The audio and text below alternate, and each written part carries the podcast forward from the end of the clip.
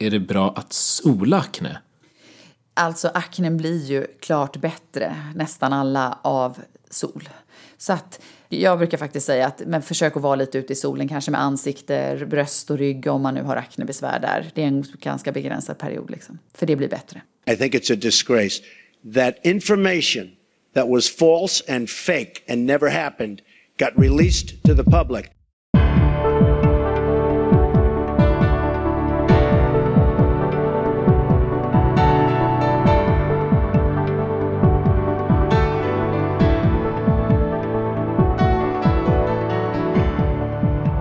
Och välkomna tillbaka, kära lyssnare, till ytterligare ett avsnitt av Sjuka fakta. En podd som försöker lyfta det som sägs på stan med några av vårt lands ledande experter för att bringa klarhet i om det vi hör är sant, falskt eller halvfabrikat. Simon Krös heter jag, hälsopedagog och läkare och idag har vi ett, eller egentligen två mycket spännande ämnen att behandla. Det ena ämnet drabbar miljarder människor och kan orsaka obehag och dåligt mående under en tid i livet när vi är som mest måna om vårt utseende. Den andra omfattar en mångmiljardindustri världen över och lovar guld och gröna skogar. Vi ska idag prata om hudvårdsprodukter och vi ska prata om akne. Dagens gäst, som ska hjälpa oss lösa dessa stora frågor, började sin karriär på Karolinska institutet förlåt, började sin karriär på Karolinska sjukhuset i Solna. Eller ska vi säga? Det får du säga som du vill. Alltså, ja, det, beror på, det beror på vad du vill. vad du vill liksom. Jag har skrivit Karolinska sjukhuset. Alltså jag, är ju, jag pluggade ju på Karolinska institutet, och jag har ju, men jag jobbade ju på Karolinska sjukhuset. Disputerade på Karolinska institutet. Så du får välja helt ja, enkelt. Exakt, men då, då gör vi så här. Du började din karriär på Karolinska institutet och där du forskat och specialiserat dig inom hud. Yes. Ja. Idag är du nu blir det du-form här, det var inte tänkt, men det, så kan vi göra. Idag är du verksamhetschef på Diagnostiskt Centrum Hud och syns lite titt som tätt i tv-soffan och besvarar frågor om bland annat hudexem, solskydd och akne. Varmt välkommen säger jag till dig Petra Kjellman. Tack snälla. Vilken vändning det blev mitt i presentationen. Du, eh, hur är läget? Det är bra. Det är jättebra faktiskt. Det är bra? Ja. Det är eftermiddag, vi är på ditt kontor. Innan vi kommer igång här, du har ju blivit intervjuad ett antal gånger i tv-soffor. Tycker du att det har påverkat hur dina kollegor eller patienter bemöter dig? Oj, nej, alltså jag tycker nog inte att det har påverkat hur mina kollegor möter mig. Men däremot, det finns ju patienter ibland som ringer och säger att åh, jag vill komma till den där doktorn som var på TV4. Det, det förekommer faktiskt, mm. ibland. Ofta kommer det ju det kanske direkt efter att man har varit med i något inslag. Då ja, mm. finns det folk som ringer och då kan vara en del liksom, sköterskor. Men, ja. Då rasslar fanmailen in kanske. ja, precis. Du, vi ska prata om huden idag. Hudvårdsprodukter som det finns väldigt mycket föreställningar mm. kring och även då akne. Huden sägs ju vara kroppens största organ och med det kommer såklart många potentiella problem och besvär som med alla andra organ i kroppen.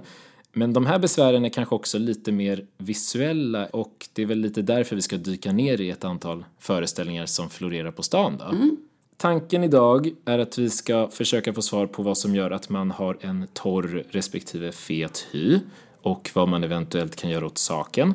Vad fungerar egentligen att smörja på huden och vad är bara vilseledande reklam? Varför åldras huden? Och funkar verkligen anti-aging? Det här är ju lite av en, en, ja, en drömfrågeställning. Det här vill man ju verkligen veta. Hur fungerar fillers och är det bra eller dåligt att klämma på finnar? För att få svar på dessa frågor och en hel del annat som jag ska bombardera dig med så tänkte jag att vi ska dela in avsnittet i två delar. Den första delen tänker jag ska handla om hudens funktion för att man ska ha någon grund att stå på och sen går vi igenom lite olika krämer och produkter och annat som dagligförs och om det kan stämma eller inte och sådär. Och i del två då så tar vi oss an akne som en helt egen del då den har väldigt många föreställningar kring sig och så försöker vi få koll lite på vem som drabbas och vad det beror på och vad man eventuellt kan göra åt saken. Ja, det låter väl som en bra idé. Ja, jag, jag hoppas det. Men om vi då ska börja med den här grundkursen i hudlära. Vad är huden för något och vilken funktion fyller den för våra kroppar? Mm, oj, det är ju en, en jättestor fråga i och för sig. Men jag tänker framför allt att huden är ju själva gränsen mot omvärlden. Den har ju extremt viktiga funktioner. Den är ju, ja, inte bara att den är största organet, det kanske inte är så intressant i sig, men, men den har ju oerhört massa vitt skilda funktioner. Givetvis sådana rent så medicinska som att den gör ju att vi behåller vätska inne i kroppen till exempel. Om vi blir av med huden så, eh, eller stora delar av huden så läcker vi ju faktiskt stora mängder vätska. Det är en av de absolut mest viktiga funktionerna som man kanske inte ja, tänker så mycket på. Sen är det ju förstås en barriär mot omvärlden också, det vill säga en hel hud gör ju att vi inte så bakterier och virus och sånt kommer in och kan infektera oss. Så liksom en barriärfunktion åt bägge håll egentligen, det är kanske det allra, allra viktigaste. Men sen så eh, har ju huden massa andra delikata funktioner, så temperaturreglering. Huden också, alltså aktiverar ju D-vitamin. Så tänker jag på mer. Jag har förstås ett UV-skydd också. Att eh, våra pigmentceller sitter i huden och skyddar oss mot liksom allt för överdriven solstrålning. Sen är ju huden också ett, eh, ett stort känselorgan. Vi har jättemycket så fina nervändar i huden och klart att vi mår ju bra av beröring och sånt där. Så jag skulle nog säga att det är enormt massa funktioner helt enkelt. Jag vet inte om jag har glömt någon nu. Många funktioner? Yeah. Väldigt många funktioner. Det där kan också sätta ett pip på om det skulle bli barnförbjudet. Ja. Eh, andas huden? Nej, jag tycker inte det. För att eh, vi får ju faktiskt inte in särskilt mycket syre utifrån utan syret till huden transporteras ju faktiskt via blodet. Så att, eh, ja, det är enda sättet att få syre till huden. Så att jag skulle inte vilja påstå att huden andas i någon större utsträckning. Nej, och en följd, eller följdfråga, en annan fråga kopplat till det. Äter huden? Mm. Och varför jag frågar det är för att vi kommer komma in på en hel del produkter som man vill applicera på huden som ska göra nytta för just huden. Mm. Alltså en intakt och hel och frisk hud är ju oerhört ogenomsläpplig kan man säga. Det är ju själva vitsen med det som jag berättade innan. Det ska inte komma in några bakterier, det ska inte läcka ut eh, vätska och elektrolyter och andra sådana saker. Så att, eh, för det mesta det är väldigt svårt att få saker att penetrera huden. Man måste vara rätt trixig. Det måste vara super, super små molekyler. De måste ofta vara en viss sammansättning för att de ska överhuvudtaget ha en möjlighet att, att penetrera genom hudlagren. Så att, eh, nej, skulle jag säga. Nej, därför att vi har några föreställningar redan på det här spåret när det kommer till att applicera produkter på huden. Kan man bli krämberoende av att smörja in produkter på huden? Det brukar vi säga nej till, så är det inte. Alltså man kan inte få genom att smörja huden att på något sätt ändra dess eh, möjlighet att, eh, att själv behålla fukten. Men däremot är det ju kanske så att man kan vänja sig vid att ha en, en välsmord hud och tycka att det känns bättre och är mer trivsamt. Och det kan ju bli en vana på sätt och vis att man vill uppnå det här välsmorda stadiet hela tiden. Men däremot så ändrar man inte huden i sig. För jag har även hört samma sak gällande cerat, alltså typ mm. Lipsyl eller motsvarande som man tar på läpparna. Att man kan bli beroende om man använder det för mycket. Att man återfuktar huden ska ju inte leda till att den på något sätt återfuktar sig själv sämre efteråt.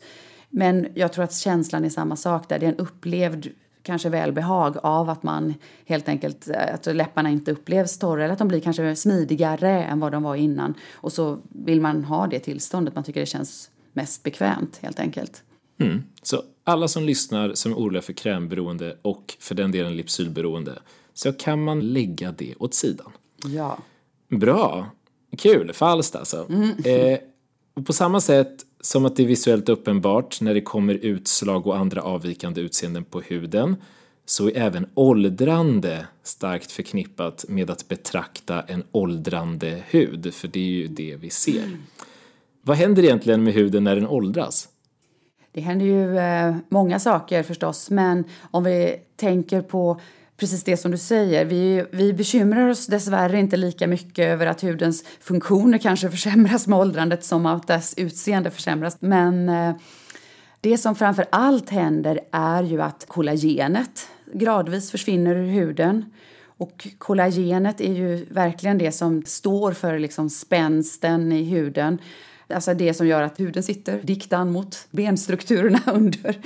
Och det är klart att när den då när börjar, så, så upplevs ju huden slappare och, och, och, den hänger och det blir rynkor, porerna blir större och allt sånt. Så att det absolut mesta kan man nog tillskriva just kollagenförlusten, alltså den gradvisa kollagenförlusten.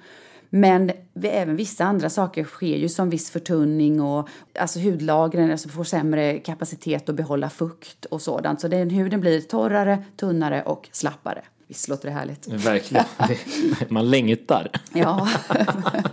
du, du nämnde där kollagenförlust mm. som en stor orsak. Och då undrar jag egentligen, kan man då motverka rynkor genom att smörja in sig med eller äta tillskott av kollagen? Ja, det marknadsförs ju också väldigt mycket. Jag skulle väl säga att smörja sig med kollagen, för det första, det är ju så pass stora molekyler så att jag har väldigt svårt att se hur de skulle komma in i huden och göra någon större nytta.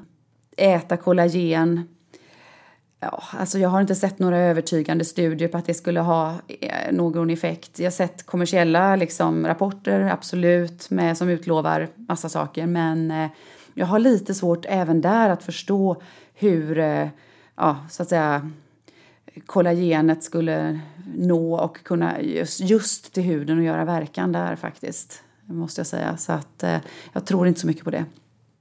Nej. Och hur är det då med hyaluronsyra? Men egentligen samma resonemang där. Hyaluronsyra har vi ju naturligt i huden också. Men det som är skillnaden är att den, ja, den, den omsätts hela tiden så att eh, ja, den försvinner och bryts ner och det görs ny. Hyaluronsyra som vi lägger på huden fungerar bra fast inte på det sättet som man vill få konsumenten att tro. Det är precis samma sak där.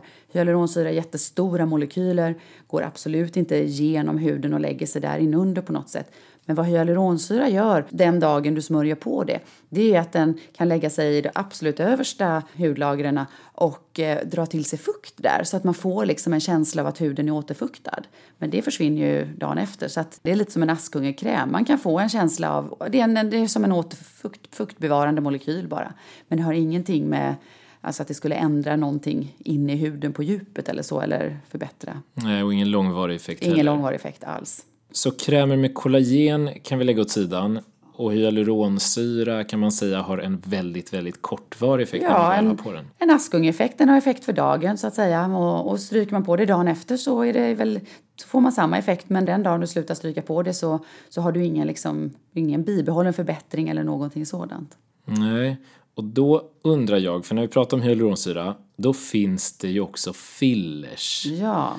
Kan du beskriva lite vad fillers är?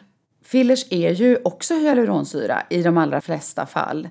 Och det är en, en hyaluronsyra som man då har stabiliserat. Jag sa ju tidigare att vår egen kroppsegna hyaluronsyra omsätts ju på ungefär 24 timmar. Och det vore ju synd att betala dyrt för de här sprutorna och stoppa in hyaluronsyra och så bryts det ner till vatten och socker dagen efter. Så då har man gjort det annorlunda, man stabiliserat den så att den inte bryts ner, den håller flera månader. Och Eh, det man ofta vill uppnå det med de här, det är ju då, då måste man ju spruta in dem, alltså injicera med en nål för att komma in under hudlagren. Det går inte att liksom smörja på och få in det på något sätt.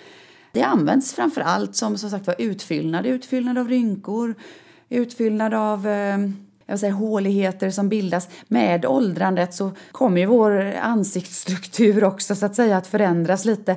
Vi tappar volym. Tittar man på ett barn så har de så runda kinder och det är ju inte så många som har passerat 40 som har så runda kinder längre. Utan, och så kanske man vill eh, återställa det och så, och så använder man såna här olika ja, fillers helt enkelt för att eh, återskapa volym framför allt på olika ställen i ansiktet. Mm. Och botox, mm det är inte riktigt samma sak som fillers. Nej, botox är något faktiskt helt annat. Botox är ju ett ämne som används för att egentligen blockera överföringen av liksom själva nervimpulsen till muskeln. Det är, jag skulle inte vilja kalla det för ett nervgift som eh, många gärna kallar det.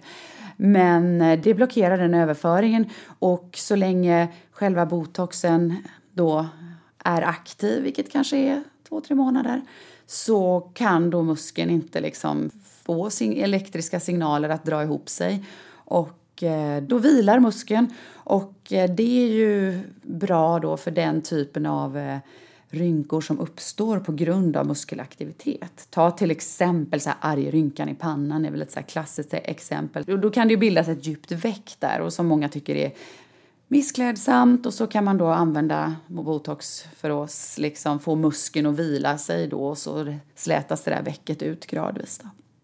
Vad är ditt tips till de som vill behålla en så ung hy så länge som möjligt? Mm. Ja, det är mitt absolut första tips. Det är undvik att sola. Mitt mm -hmm. andra tips är undvik att sola. Nej, men alltså, I princip så. Det fortsätter ju så ett, ett, tag till. Det har jättestor betydelse med solexponering och så. Sen kan vi inte heller eh, säga annat än att tyvärr att generna spelar in. Vi har olika genetiska förutsättningar, vi åldras på olika sätt, definitivt. Så att vissa ja, åldras mindre synligt än andra.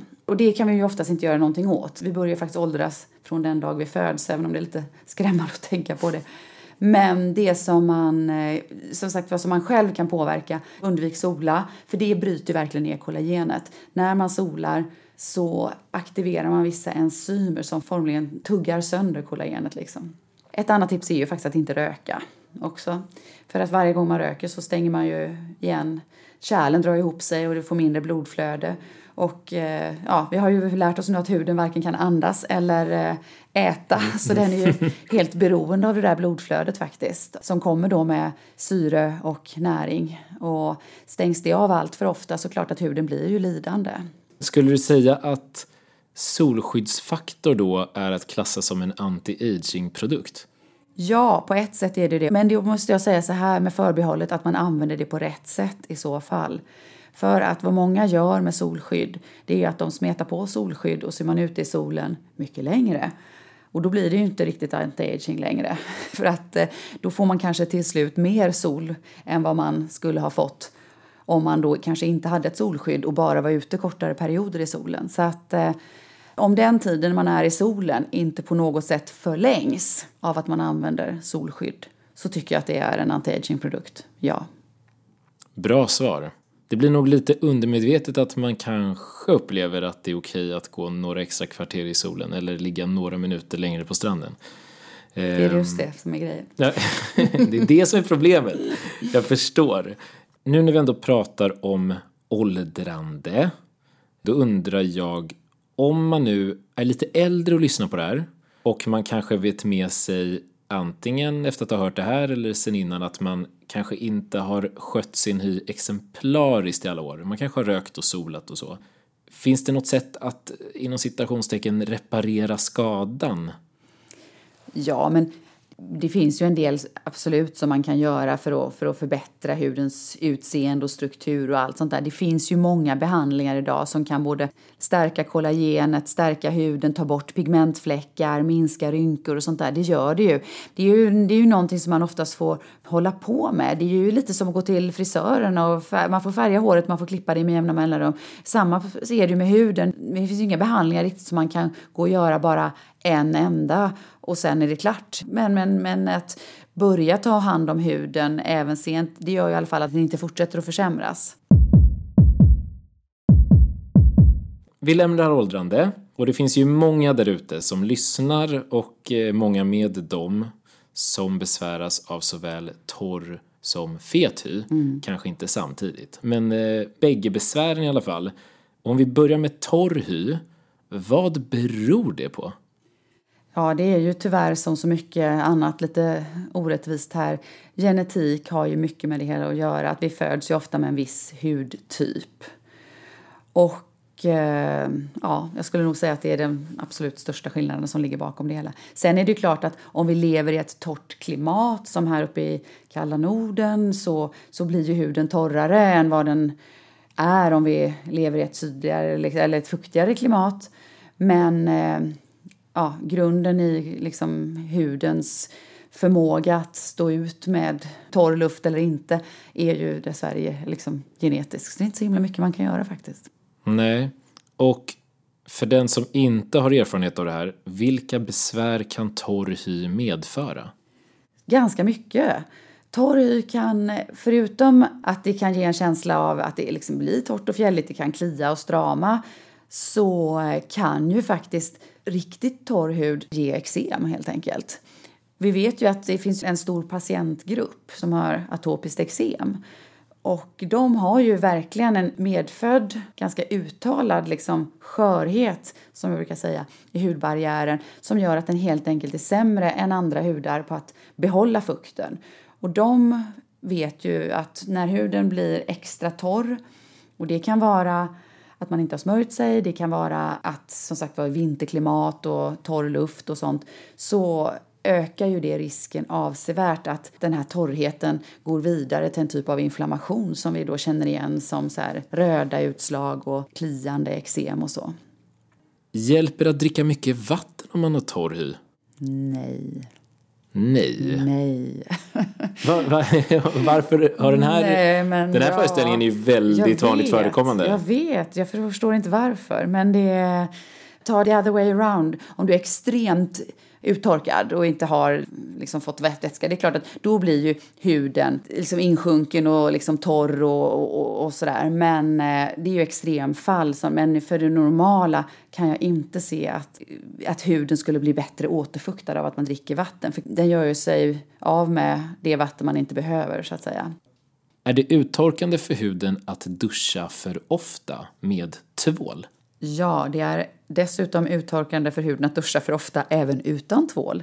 För det är vattnet i sig som har en ganska uttorkande effekt. Det är värre att egentligen att, att ha längre tids vattenkontakt, till exempel kanske bada eller duscha länge eller så. Därför att i hudens lager så finns det såna här fuktbindande ämnen och de är faktiskt vattenlösliga. Så de sköljs ut ur huden om man utsätter den för allt för mycket vatten. Det klassiska är ju egentligen sådana som vi kallar då husmorseksem. Nu kanske man inte får säga det men eh, nu för tiden för det kanske män viskar lika ofta som kvinnor.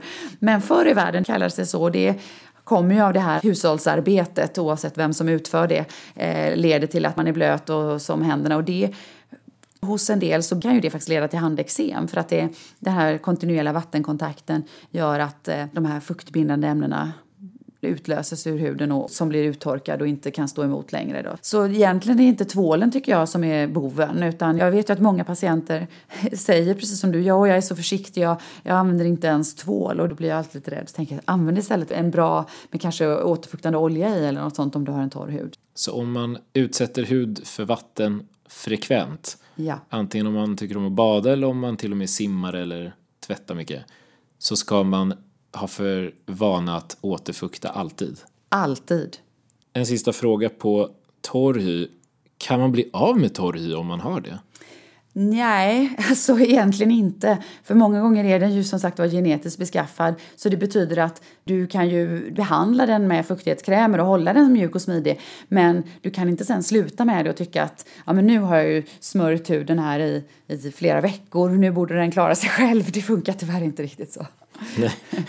Tråkigt. Ja. Men då får man, om man vet med sig att man har torr hy så får man smörja in sig ofta helt enkelt. Ja, till, alltså, det är ju en form av symptomatisk behandling. Man behandlar egentligen bara de symptom man har. Så att man får smörja så mycket man, så att det känns bekvämt. Man, huden hålls smidig. Och har man däremot som sagt eksemtendens och sånt där, då bör man kanske vara extra noga med det. Och då kan man verkligen minska risken för nya uppblossningar av sitt eksem helt enkelt.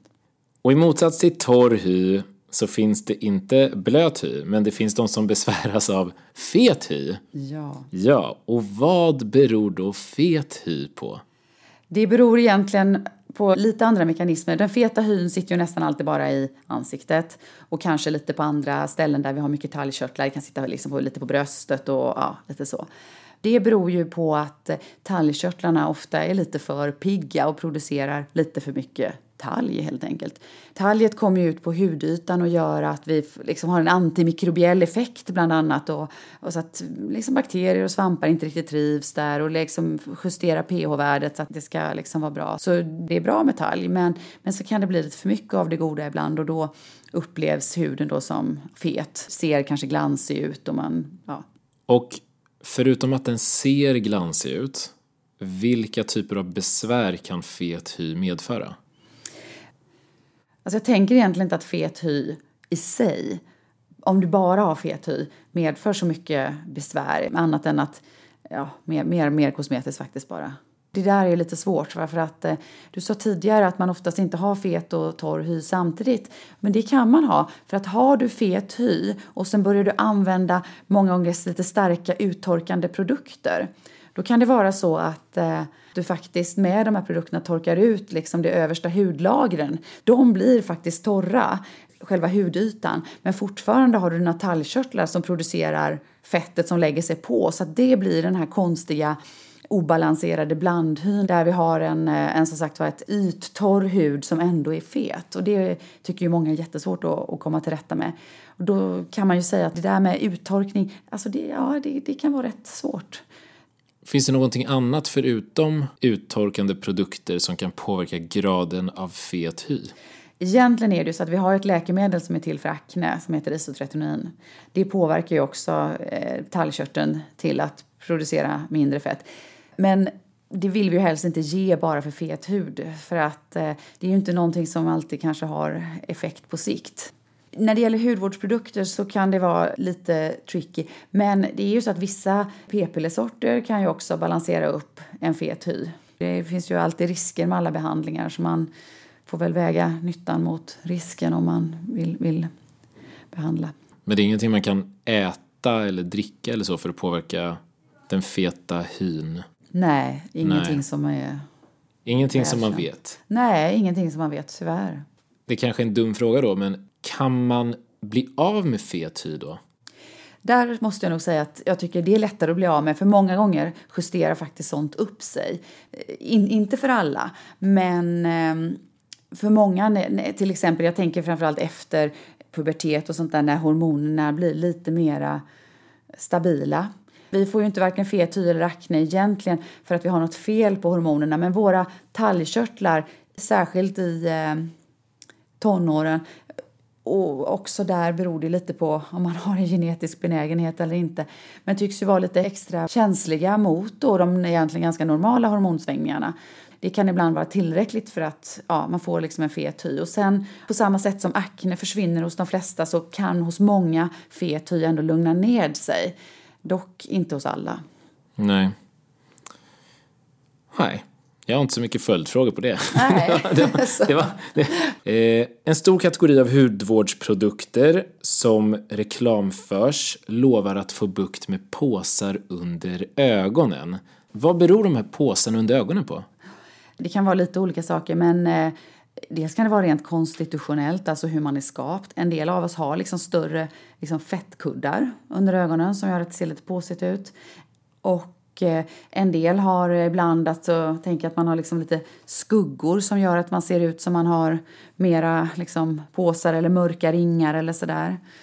En del har bara, huden under ögonen är ju oerhört tunn så att eh, den, den blir ju lätt eh, påverkad av eh, omgivningen och sånt där. Har man eksem och får eksem runt ögonen upplever ju många att man får väldig liksom, påsighet och sånt där. Då brukar det många gånger gå tillbaka i och för sig men mm. lite olika skäl men. Och all den här reklamen för olika krämer och tillskott och annat. Finns det någonting som man kan applicera på huden eller äta som bevisligen motverkar påsar under ögonen? Mm. Alltså, nu har jag inte genomgått, eller gått igenom hela branschen i och för sig. Det kan ju ha kommit något nytt men eh, mycket av det som har funnits tidigare och utlovats i alla fall kan jag inte riktigt se egentligen att det skulle ha någon liksom stark påtaglig effekt. Går det inte att säga 100% säkert att det inte finns? Nej, jag tänker men jag vet inte riktigt. Nej, det, alltså man kan säga så här, det beror ju lite på återigen vad det beror på. Jag tänker så här, alltså är huden torr och tunn och skör, ja då kan den få en bättre liksom, visuell upplevelse av återfuktning, absolut. Men har du liksom att du som sagt var är född med att ha lite mera fettkuddar under ögonen och sånt där, nej men då går ju inte de bort av några krämer egentligen, det gör de inte. Så det kanske beror lite på vad de här påsarna beror på. Det gör det ju. Och om de är liksom där jämt eller om de bara är där då och då för att man är trött och glåmig liksom, då går de ju bort av sig själva. Men när jag var ung la man tepåsar på ögonlocken. Då fick mm. jag i alla fall en känsla av att det, av att det drog ihop sig. Men... Ja, jag ska, inte, jag ska inte nämna hemsida nu, men jag såg ett recept på hur man skulle tillverka sånt här te. Aha. För att motverka påsar. Och det finns väl många sådana tips och tricks. men ja. de recepten kommer inte delges i det här avsnittet. Nej. Så mycket kan vi säga. Innan vi går vidare till den andra delen som var akne så vill jag bara lyfta några snabba föreställningar kring hudvårdsprodukter så får vi se om det är sant eller falskt eller någonting mittemellan. Mm. Ansiktsvatten är bättre än vanligt vatten. Det tycker jag är en spännande fråga. Ansiktsvatten finns ju säkert 35 000 olika varianter. Och vad tänker du man ska göra med det? Badda det på eller dricka det? Eller tvätta med det eller vad? Jag, jag tror nej. att det syftar till att tvätta ja, ansiktet nej, med. vad ska du med ansiktsvatten till? Nej, tvätta, det, det tycker jag nog man kan göra. Man kan tvätta, man behöver ju inte tvätta med tvål och vatten för det sliter ju på huden. Men tvätta med en vanlig, alltså en mild rengöring bara. Och sen äh, återfukta. Det, nej, ansiktsvatten. Det behövs inte. Nej. Naturliga och ekologiska produkter är bäst för huden. Ja, ja, det beror ju på återigen, det är ju, även det är ett väldigt vitt begrepp liksom. Men eh, det som vi, vi är lite försiktiga ibland med att rekommendera just det här naturligt, vad är det för någonting, ringblommor, nej men liksom, det kan ju faktiskt leda till en del överkänslighetsreaktioner, en del, det finns kontaktallergi som kan eh, utvecklas av allt för liksom eh, vilda produkter. Om en produkt svider så fungerar den? Det är ju ingen garanti. Man kan ju vara överkänslig bara, behöver ju inte fungera. Så att, jag tror att när man säger så så syftar man kanske på att vissa av de här anti-aging-produkterna som vi tidigare har pratat om, att de då till exempel innehåller retinol och sådana ämnen och de kan ju skapa en viss rodnad och, och lite irritation. Så att jag menar att, att de skulle kanske ha mer aktiva ingredienser men jag ska inte påstå att jag tycker att en, en produkt måste svida för att den ska ha effekt. Man behöver både ha dag och nattkräm. Men det är inte helt fel. I dagkräm är det bra ett solskydd till exempel. Det behöver man ju inte i nattkräm. Jag tycker att principen att man smörjer sig morgon och kväll är väl i princip bra för de flesta. Och medan till natten kan man ju ha lite andra ingredienser som eh, om man nu till exempel vill ha då lite anti-aging med lite A-vitamin och sånt där, då tål ju inte det dagsljus så det är dumt. Så att eh, det är slöseri att ha A-vitamin i dagkräm för det bryts ju bara ner. Liksom det är helt onödigt att ha solskydd i i en nattkräm. Plus att på natten när man inte behöver, det kanske inte spelar någon roll om man ser lite blank ut, så kan man ju också ha produkter med lite mer kanske återfuktning och, och så. Så att det, det kan man nog ha. Man måste inte, men man kan. Man kan. Bara ta fasta på något som eh, smög förbi här. A-vitamin är anti-aging. Ja. Alltså inte rent A-vitamin som man äter, men A-vitaminliknande substanser, sådana här eh, retinoider som det kallas, till exempel retinol och sådant. Det är ju liksom A-vitamin syrederivat, alltså det är sånt som utvinns av A-vitaminsyra och där är däremot vetenskapligt bevisat att de har anti-aging effekt. Men däremot är det ju så att de kan vara ganska irritativa så att eh, alla tål inte ha de här produkterna. Jag tänker lite att det där tidigare ja, tanken svider. kanske kommer därifrån då men eh, man, många säljer ju även eh, krämer där man skriver att det innehåller A-vitamin eller retinol. Men så, samtidigt vill du inte ha en konsument som eh, klagar sen att det svider i ansiktet när de använder det. Så då har man så enormt låga koncentrationer så att det blir egentligen en form av falsk marknadsföring. Det ju, har ju ingen som helst effekt. Så att eh, på det sättet så kan det ju ligga någonting i det. Jag kanske måste ändra mig här nu. Det kanske ligger något i det där att om det inte svider så är det inte till, tillräckligt höga koncentrationer när det gäller A-vitamin i alla fall. Och en sista föreställning här. Man blir inte brun om man använder solskyddsfaktor. Ja, men det dels så eh, är de ju inte 100 procent heltäckande. Och dels så eh, är det ofta så att vi använder ändå inte lika mycket som man ska. Men är man super, super, super duper noga så blir man nog inte särskilt brun. Men eh, så som de flesta av oss använder så brukar man nog kunna få lite, lite färg ändå om det är det man är ute efter. Nu ska vi komma in på del två Yes. som handlar om akne. Man får hålla till godo lite med det med akne för jag tänker att vi först ska slinka in med pormaskar. Ah, Det var som en liten konstig prolog där kanske. Men jag tänker att det finns lite liknande föreställningar kring pormaskar. Och du nämnde tidigt nu under vårt samtal att när huden blir äldre så blir porerna större. yes. Och jag tror att det finns ett stort intresse av att lära sig lite om pormaskar. Blackheads på engelska? nej? Ja, vi skiljer ju egentligen på öppna och slutna pormaskar. Öppna pormaskarna är ju de här som vi ser, precis som du säger, som svarta prickar. Därav namnet som du nämnde. Medan de mer slutna, de som inte liksom har kontakt med, med, egentligen med luften utanför, som är lite mer, ligger lite, lite under, de blir mer som vita kulor bara nästan. Men eh, det är ju egentligen små ansamlingar av eh, talg och döda hudceller som inte kanske har avstötts riktigt som de ska. Och är de då, som sagt var, i, är de öpp, om, om por, porerna är öppna och det ligger precis i, i själva poröppningen, då blir de lite svarta därför att ämnena i den här sörjan blir liksom lite oxiderade så de får helt enkelt en svart yta när de kommer i kontakt med syre. Så det är därför de kan ha olika färger. Medan då de som ligger då lite mer under hudytan som alltså inte kommer i kontakt med syre de blir då mer som små vita kulor. Då. Så att det, men bägge kallas för pormaskar för att om du klämmer på dem så ringlar de ju sig ut. Okej, så död hud och så är det talg. Talg.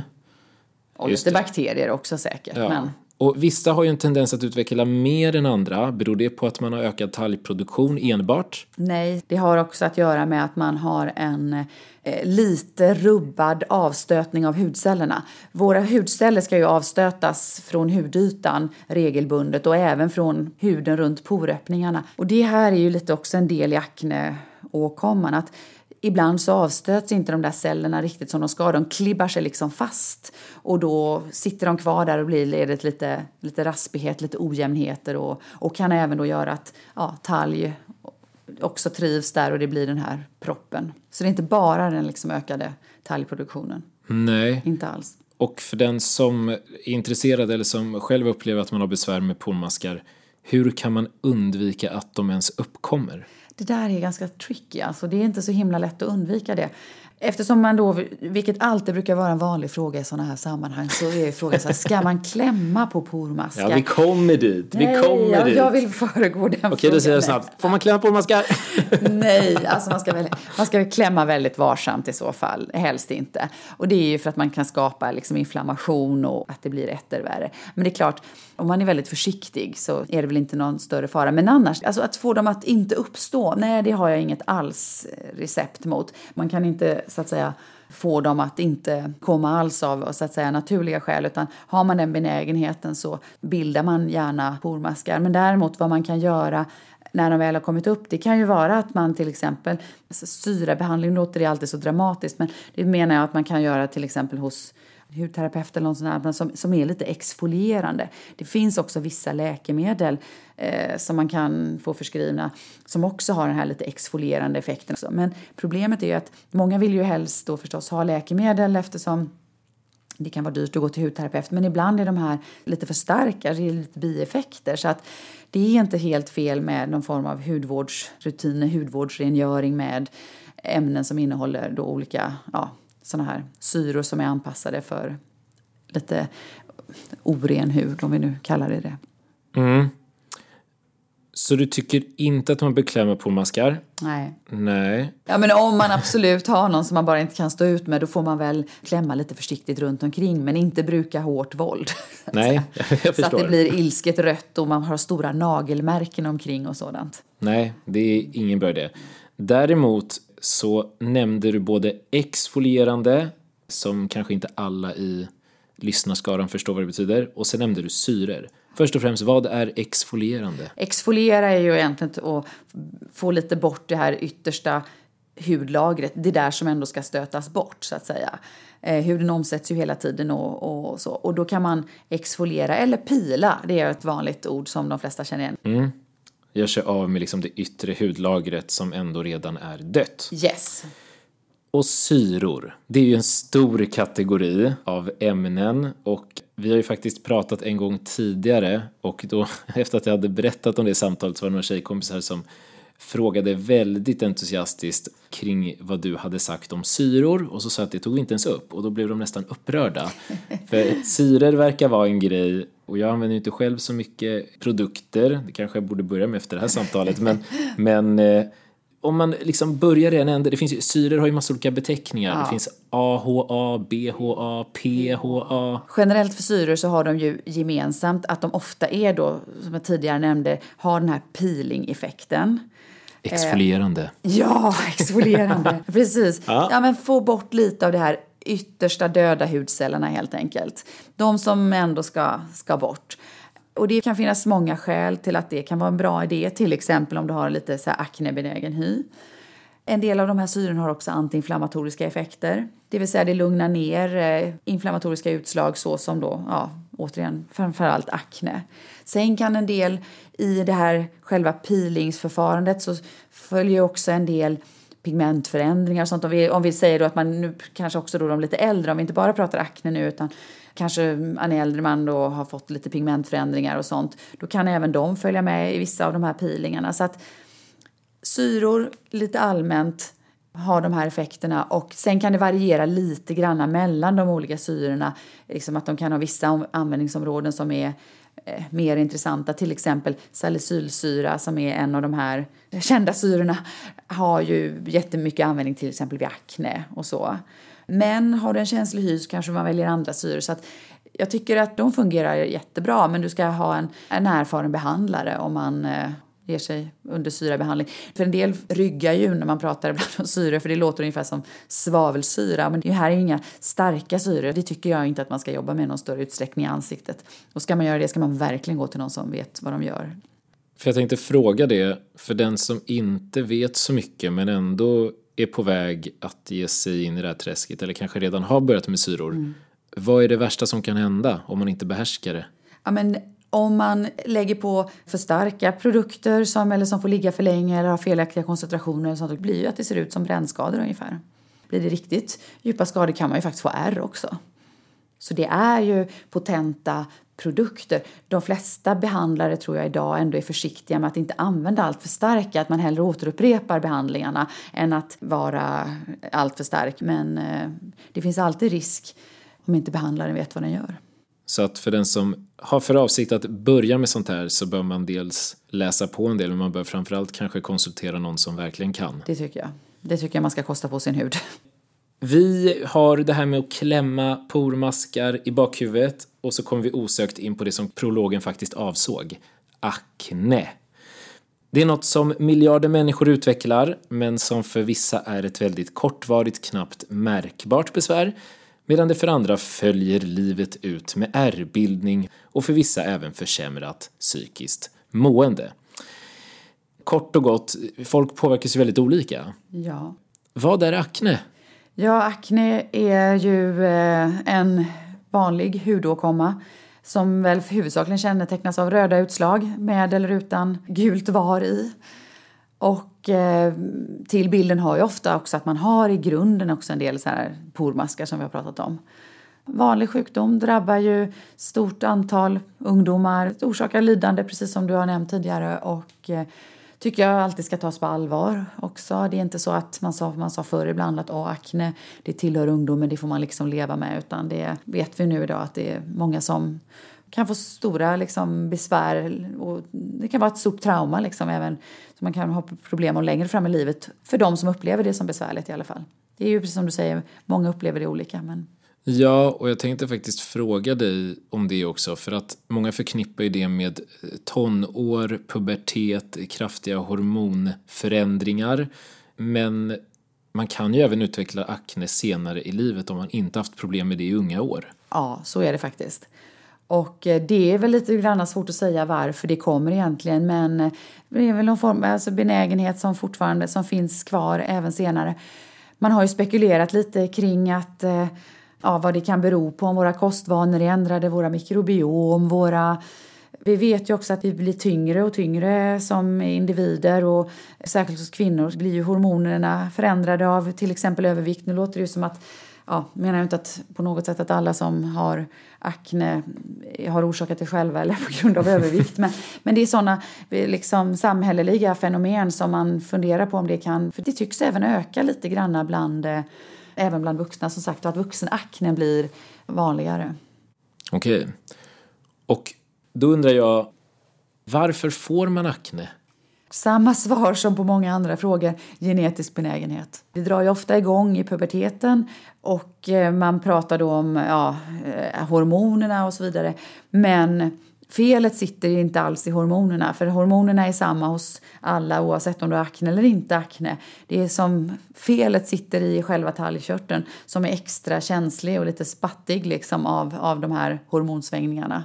Så det är liksom en medfödd känslighet i talgkörteln som, som gör att man reagerar lite ogynnsamt på de helt normala hormonsvängningarna. Är det det som också gör att det skiljer sig individer emellan? Är det den här genetiska komponenten? Eller? Ja, det är liksom en genetiskt medfödd känslighet i talgkörteln är det. Så att, så för som sagt var, hormonsvängningar får ju alla, men alla får faktiskt inte akne. Nej. Och då finns det ju på det här spåret väldigt många olika föreställningar om vad som kan orsaka eller förvärra en befintlig akne. Och exempel bland många är dålig hygien, smink, choklad, proteintillskott och stress. Nu är det fem ja, stycken, ja, nu är det svårt att hålla alla i huvudet här. Ja, men, men exakt. Men om vi, vi, kan, börjar vi, kan, med, ja. vi börjar med dålig hygien. Då säger jag nej på det. Bra, snabbt och enkelt. Ja, akne har andra mekanismer. Så att, alltså, man kan inte få akne av om man säger dålig hygien. Om det däremot är så att man har en väldig aknebenägenhet då kan det ju vara bra att vara noggrann med rengöring så att då inte porerna täpps igen. Det är ju lite så. Men, men det är inte så att du får akne på grund av att du har inte tvättat dig ordentligt eller så. Smink? Ja, det här är ju väldigt svårt. Det finns ju så många olika sorters smink, men vi vill ju avråda från att man kanske använder smink som täpper till porerna med oljor och sådant, sånt där som pormasksframkallande. Och många ungdomar är ju lite småförtvivlade och tänker och har kanske fått höra att eh, nu får du inte sminka dig för då blir det värre och så det är ju väldigt svårt att säga till någon som har, lider väldigt mycket av sin akne så att jag brukar nog gå någon form av medelväg där och säga att börjar vi ge behandling istället och så får du fortsätta sminka dig och så får vi ta bort aknen liksom ändå. Mm. Choklad. Ja, choklad eller jag skulle inte vilja egentligen plocka fram bara chokladen utan det är ju egentligen de snabba kolhydraterna generellt. Mm -hmm. Och det vet man ju idag att en del kan äta hur mycket godis som helst utan att få akne och en del upplever att de får mer akne. Och då är det så här att där har man sett idag att talgkörteln, den här som jag pratade om tidigare som var lite överkänslig vid akne, den eh, reagerar på eh, insulinet faktiskt som frisätts. När man äter snabba kolhydrater så frisätter ju kroppen insulin för att ta ner blodsockret som annars skulle bli förhöjt. Och eh, det här insulinet kan liksom elda på talgkörtlarna hos eh, känsliga individer egentligen på samma sätt som de här hormonerna kan göra. Proteintillskott? Ja, alltså där har man ju faktiskt sett en del rapporter att eh, just sådana här proteindrinkar och drycker och, och sånt här kan ha en, en definitivt eh, alltså påeldande effekt för de som är känsliga. Det är ju inte så att alla får akne av att äta proteinpulver men har en benägenhet så kan det göra saken värre. Mm. Och den sista av de här fem i den här kvintetten, stress. Ja, det här är inte så vetenskapligt, det här är mer min erfarenhet. är kanske att När det gäller ungdomar så tror jag inte att eh, akne påverkas så mycket av stress. Men jag tycker bland de som är vuxna, framförallt kvinnor kanske, med aknebesvär de upplever ofta en koppling till att det blir sämre vid stress. Det tycker jag faktiskt. Så att eh, mm. framförallt hos vuxna individer. Okej. Okay. Så ändå en viss sanning i det. Ja, det tycker jag nog där, men inte ja. kanske bland eh, tonåringar. Stämmer att man inte kan få akne om man har torr hud? Inte riktigt faktiskt, för att eh, du har mindre benägenhet att få det om du har eh, liksom en fin torr hud. Men, men du kan absolut ha, om man säger atopiskt eksem, hud och även få akne. Absolut. Finns det de som inte kan få akne? Nej, det skulle jag nog inte... Kom, jag kan inte komma på någon sådan grupp faktiskt. Nej, ing, Nej, ingen, Alla kan nog få akne. ingen kan gå säker. Nej, det, jag skulle inte kunna riktigt komma på vem det skulle vara. Nej. Nej, okej. Och lite på det här spåret som vi var inne och snuddade vid när vi pratade om torr respektive fet hy. Stämmer det att man ska undvika feta krämer om man har akne? Men om man med feta krämer menar oljiga krämer så tycker jag att man ska undvika det. Men det finns ju fetare krämer som bara har väldigt bra återfuktande liksom, egenskaper. Och, och nu tänker jag att du menar ansiktet förstås. För feta krämer på kroppen kan man Ja, ha. Men precis. däremot, så att eh, om den feta krämen innehåller oljeliknande substanser så skulle jag undvika det. Kan akne smitta? Nej, det Nej. kan det inte göra. Falskt. Nu när vi har lite koll på orsaker och lite runt omkring akne tänker jag att vi pedagogiskt ska försöka avsluta med att gå igenom hur man eventuellt kan behandla eller motverka uppkomsten. Hur gör man? Ja, om man har, ja precis. Stor man, fråga. Ja, nej men det är absolut, men det är ganska väsentlig i och för sig.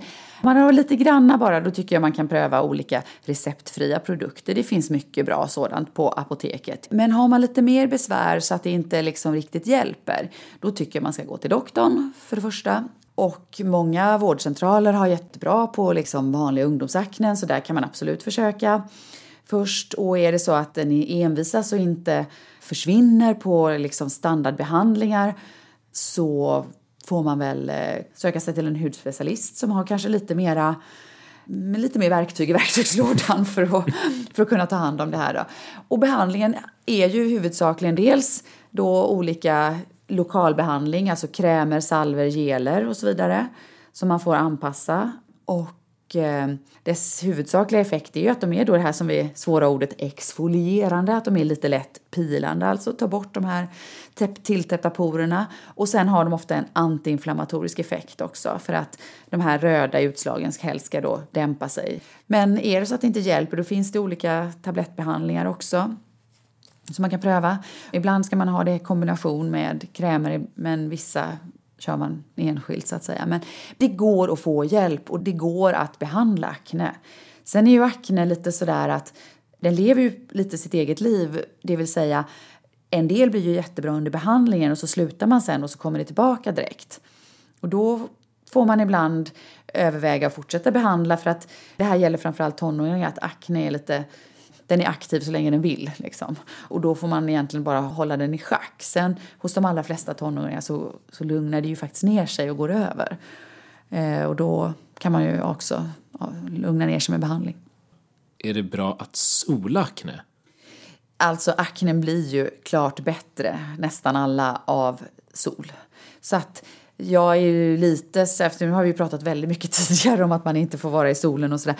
Men eh, jag brukar faktiskt säga att men försök att vara lite ute i solen, kanske med ansikte, bröst och rygg om man nu har aknebesvär där. Det är en ganska begränsad period liksom, för det blir bättre.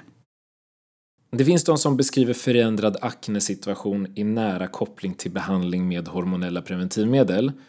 Och då undrar jag, stämmer det att östrogen minskar mängden akne? Alltså, akne kan ju både bli bättre och sämre av vissa hormonförändringar. Jag tänker, klassiskt är ju att akne blir bättre till exempel av eh, jag kombinerade p-piller. Det finns ju vissa p-piller som har en riktigt bra akneprofil som liksom blockerar den här spattiga receptorn som jag har pratat om tidigare. Medan det är ganska känt att för en del kan akne bli sämre av såna här då andra preparat som minipiller och, och eh, hormonspiraler och sånt där.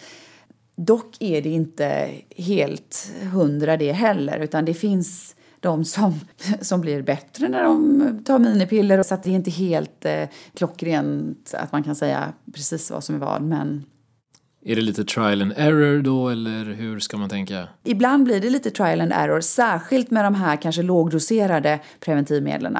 Eh, så kan det faktiskt få lite varierande resultat hos olika individer. Däremot så för de allra flesta så brukar väl de här kombinerade p-pillerna som är gamla klassiska ändå funka rätt så bra som aknehämmare.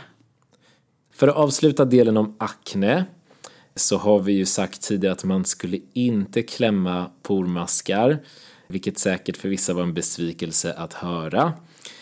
Men då undrar jag såklart vad som gäller när det kommer till att klämma finnar. Ska man göra det? Nej, det är nästan ännu värre tycker jag. Sen är det klart, jag kan förstå dem. Har man en finne som är väldigt gul på ytan då är det klart att det är väldigt lockande. Då får man väl peta försiktigt, försiktigt på kanske och liksom sam, lite grann så att man får bort det där. Men det som många lockas att göra det är ju att man har kanske det som vi vardagligt tal kallar för så här underjorder, att man har någon som ligger på djupet och så tror man att det verkligen finns någonting där i. Det gör det nästan aldrig utan ofta är det bara en liksom lite mer djupt liggande inflammation och där finns ytterst sällan något att, att klämma. Men det, det är många som klämmer extremt hårt på de där med både sår och ärr som följd. Så att nej, kläm inte finnar. Varför ska man liksom inte det? Är det för att det förvärrar saken? Det är en inflammation och det kan ja. göra ont. Ja. Men... Nej men alltså det här mekaniska klämmandet. Man trycker ju sönder nästan eh, själva talgkörtelstrukturen om man så säger och det, det skapar mer inflammatoriska reaktioner bara.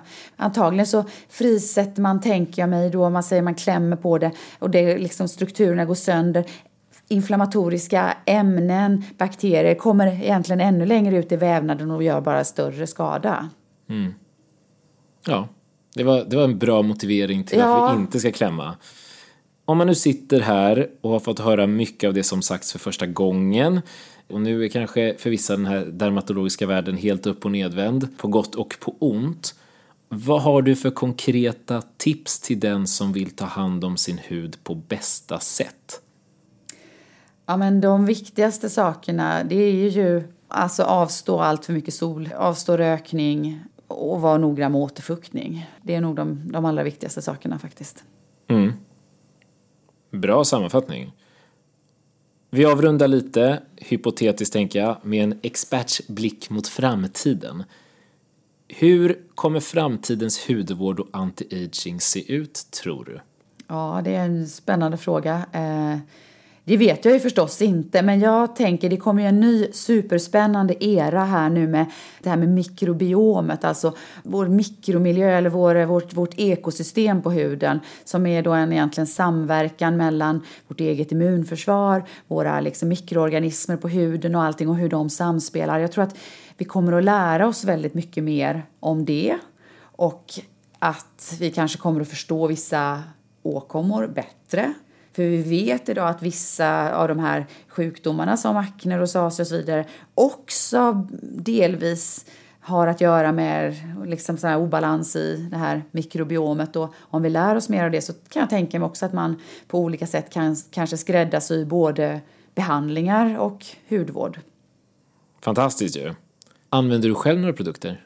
Ja, ja men det gör jag faktiskt. Jag är väldigt noga med solskydd, framförallt i ansiktet. Ja ja, av, av liksom högst eh, fåfänga. Fåfänga skäl. Och sen så använder jag alltid återfuktning och jag rengör alltid ansiktet. Typ på kvällen, även om jag kommer hem sent varit på fest, så rengör jag alltid ansiktet. Och hur rengör du då? Nej, men jag har alltså en ganska enkel, eh, mild rengöringslotion typ. Och sen så har jag produkt, alltså jag har typ A-vitamin, retinol och mm. sådant i. Sånt där som kan svida. Ja, och det är ju en vanlig sak och det är ju lite så att när man börjar med det så svider det och irriterar, det kan klia och det är liksom så här. Men vi vet ju att de här receptorerna som reagerar på de här A-vitaminämnena liksom, de tröttnar efter ett tag. Så de, de drar sig tillbaka. De här. Så att med tiden, så om man använder det, så är det en invänjningsfas. Men jag har använt det länge och jag vet, jag har dock ingen aning om det har någon effekt.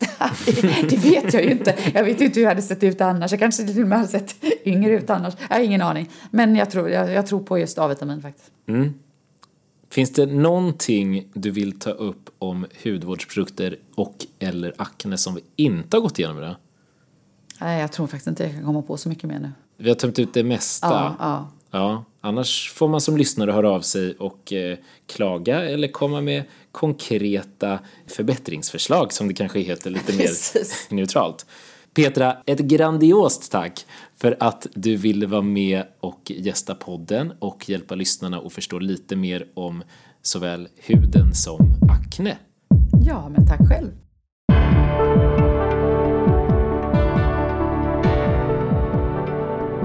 Det här var Dr. Petra Kjellman som tog oss igenom en hel timme om hud och akne. För frågor till Petra kan man nå henne direkt via hennes Instagramkonto Dr. Petra hudlakare. Vill du komma i kontakt med Sjuka Fakta nås vi via Instagramkontot Sjuka Fakta Podcast eller via mejlen kontakt sjukafakta.se. Nästa vecka får vi det närmsta vi kommer ett krimavsnitt i den här intervjuserien när jag träffar rättsmedicinläkaren Brita Silg för att ta oss igenom hur kroppen påverkas efter döden. Ett avsnitt olikt något tidigare. Missa inte det. Men tills dess, må gott, tack för att du lyssnar och tro inte på allt du hör.